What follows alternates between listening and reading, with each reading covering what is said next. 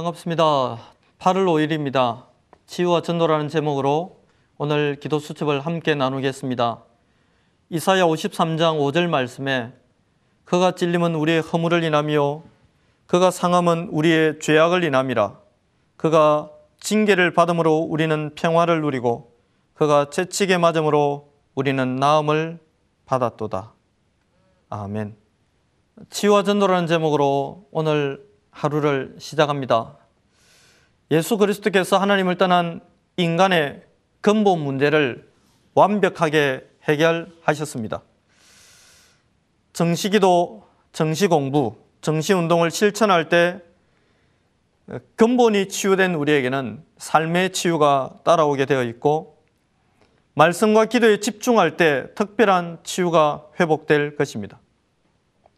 하지만 지금도 많은 사람들은 이러한 치유가 되지 않아서 병든 상태에서 그 병을 가진 채 살아가고 있습니다.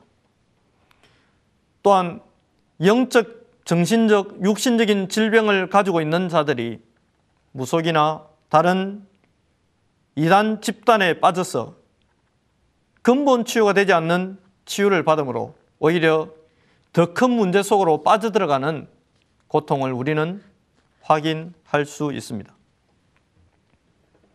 이러한 현실 가운데서 우리는 어떻게 올바른 치유와 전도를 복음 가진 자답게 해야 하며 또 할 수 있을까요?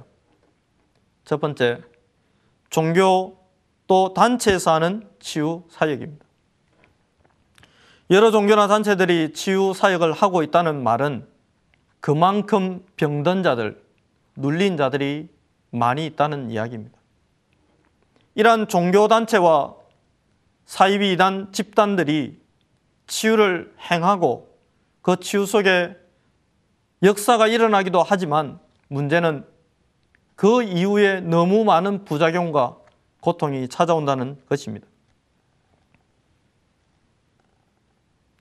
이러한 고통의 배경에는 근본이 박히지 않는 상태에서의 불안한, 불완전한 치유의 결과를 우리는 보게 됩니다. 근본이 치유되지 않은 불완전한 치유를 통해서 잠깐 회피할 수 있고 도망할 수 있지만 근본을 바꿀 수는 없습니다. 불안하고 불편한 치유가 아닌 완전한 치유를 받을 수 있도록 하나님은 그리스도 예수를 십자가에 못 박으시고 그를 죽은 지 3일 만에 죽은 가운데서 부활하시도록 하셨습니다. 그렇다면 두 번째 성경이 말하는 치유는 무엇입니까? 성경에서는 모든 영적인 문제의 배경에는 근본적인 이유가 있다고 말씀하고 있습니다. 이 원인에 대해서 많은 종교와 철학이, 의학이, 과학이 원인을 찾기 위해서 몸부림치지만 근본 원인을 여전히 찾지 못하고 있습니다. 불교에서 말하는 네 가지 고통, 태어나고 늙고 병들고 죽는 것이 고통이라고 말하는데 왜 태어난 것이 고통이고 죽는 것이 고통입니까? 원래 하나님의 형상대로 창조됐던 인간이 마귀에게 직접적인 영향을 받으면서 태어나게 되어 원죄 상태에서 태어나게 되니 고통이고 죽음 이후에 심판이 기다리고 있고 지옥 심판이 기다리는데 이것을 피할 수가 없으니 고통입니다. 왜 늙는 것이 고통입니까? 공중에 건세 잡은 자가 불순종의 아들들 가운데서 역사하고 있는데 평생을 사단의 영향을 받으며 운명 따라 사는 것이 인생이니 늙은 그 과정이 고통입니다. 근본 원인을 알지 못하는 종교와 단체들은 그저 땜질식 치유는 할 수 있습니다. 그러나 근본을 바꾸는 치유는 그들을 통해서 할 수 없습니다. 물론 육체에 가해지는 고통을 치료하기 위해서 우리는 의학적인 도움도 받아야 합니다. 그러나 복음 안에서 올바른 성령 충만을 이해할 때, 말씀의 힘을 체험할 때 근본적인 힘이 달라집니다.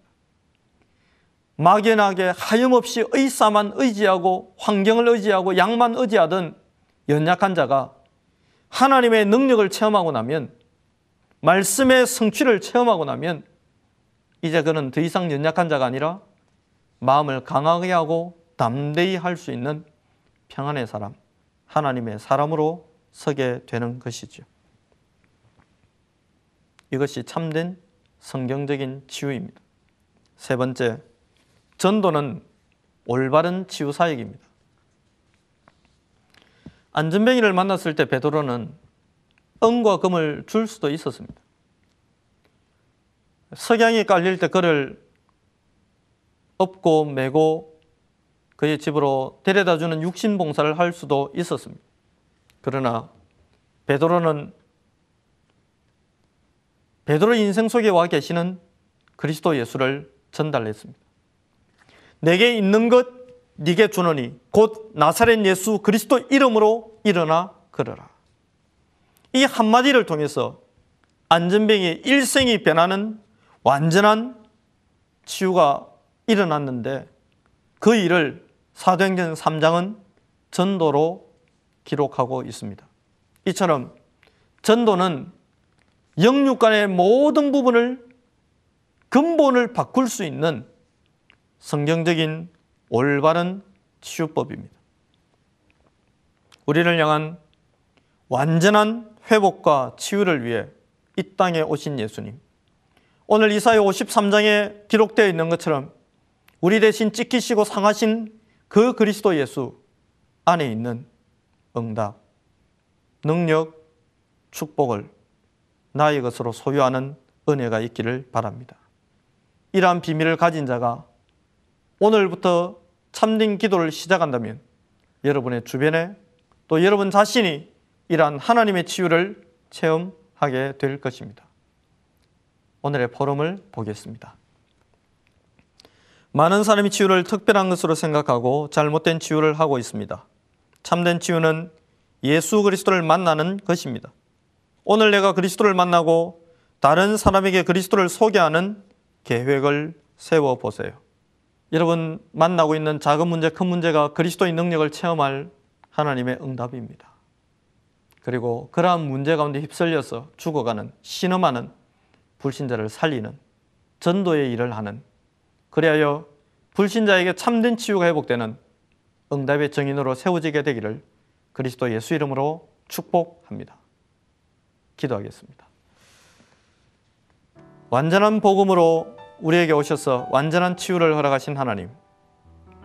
아직도 이 복음을 알지 못해 방황하는 수많은 불신자들과 종교인들을 살려낼 수 있도록 우리를 그리스도로 충만케 하시고 성령으로 충만케 하시며 또한 우리에게 그 그리스도의 증인으로 설 수 있는 힘을 회복시켜 주옵소서. 살아계신 구주 예수 그리스도 이름으로 감사하며 기도하옵나이다. 아멘.